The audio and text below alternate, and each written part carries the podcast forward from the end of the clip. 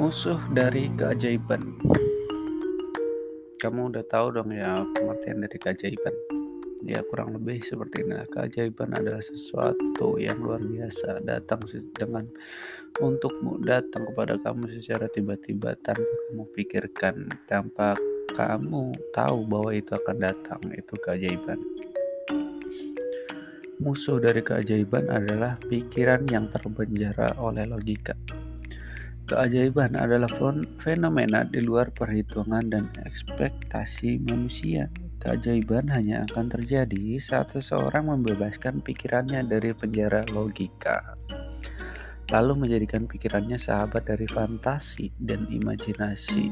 Itu ah nanti kamu bilang ah Rama ini podcastnya apa isinya cuma fantasi dan imajinasi aja nggak ada yang jelas ya silahkan kalau kamu menganggapnya seperti itu ya ia membebaskan pikirannya untuk terbang bebas, untuk menjadi liar, untuk keluar dari kotak sempit keteraturan dan kembali kepada luasnya alam semesta. Di situlah awal lahirnya mimpi besar, di situlah awal lahirnya kehidupan yang sebenarnya. Logika hanyalah alat tools yang mampu untuk menganalisa dan menjabarkan mekanisme akan apa yang sudah terjadi.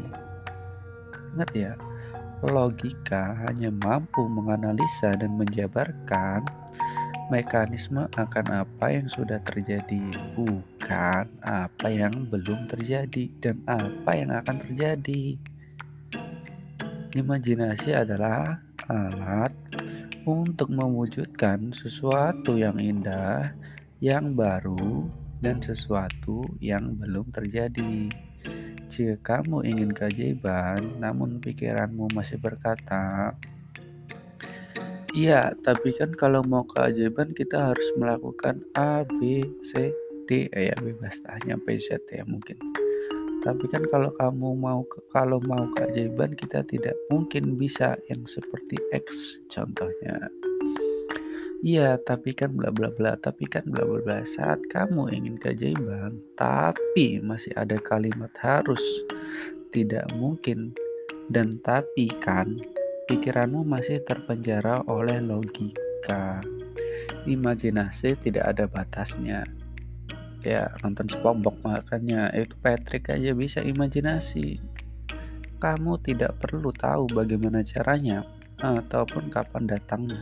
Kamu hanya perlu tahu apa yang akan kamu inginkan lalu bereksperimen dengan hal-hal aneh.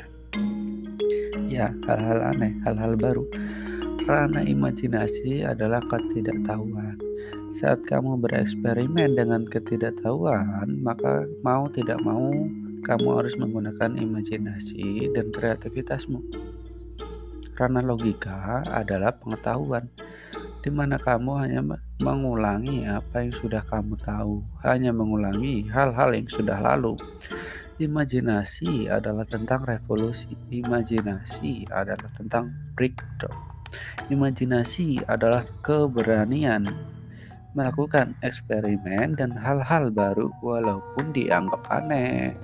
Ini sulit dilakukan oleh orang yang sistematis, oleh orang yang semuanya ingin dia kuasai oleh pikirannya. Semuanya di bawah pengaruh pikirannya gitu. Sulit orang yang seperti itu. Orang yang punya imajinasi tinggi pasti dianggap aneh, pasti dihujat dan dihina. Itu wajar Albert Einstein. Albert Einstein tahu ya? Kalau nggak tahu Google ya Albert Einstein itu memiliki pepatah. Dia gini bilangnya dia kadang imajinasi lebih penting dari ilmu pengetahuan. Kerap dihujat sebelum dianggungkan. Hingga titik imajina, imajinasimu berbuah menjadi sesuatu yang indah, diamkan saja mereka yang menghujat. Toh siapa mereka? Gitu. Mereka bukanlah orang yang bermaksud jahat. Mereka hanya orang dengan pikiran hitam, hitam putih ya.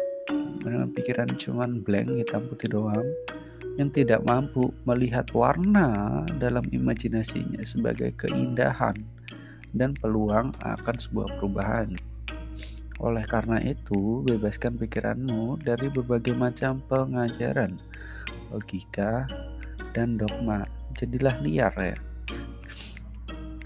Jadilah liar. Kalau keluar dari kotak sempit keteraturan ya dari ruang lingkup pikiranmu yang tadinya kamu mengatakan iya tapi kan kalau mau dapet cewek cantik dan seksi aku harus ganteng sedangkan aku jelek ya silahkan contohnya aja kamu cari bukti-bukti yang ceweknya cantik seksi tapi cowoknya jelek kamu lihat itu wah ternyata tidak perlu ganteng untuk mendapatkan cewek seperti ini gitu. Jadi pikiran itu menjadi terbuka pikiran kamu jadi tidak bisa datang keajaiban jika pikiran kamu terlebih dahulu dibuka. Itulah awal dari keajaiban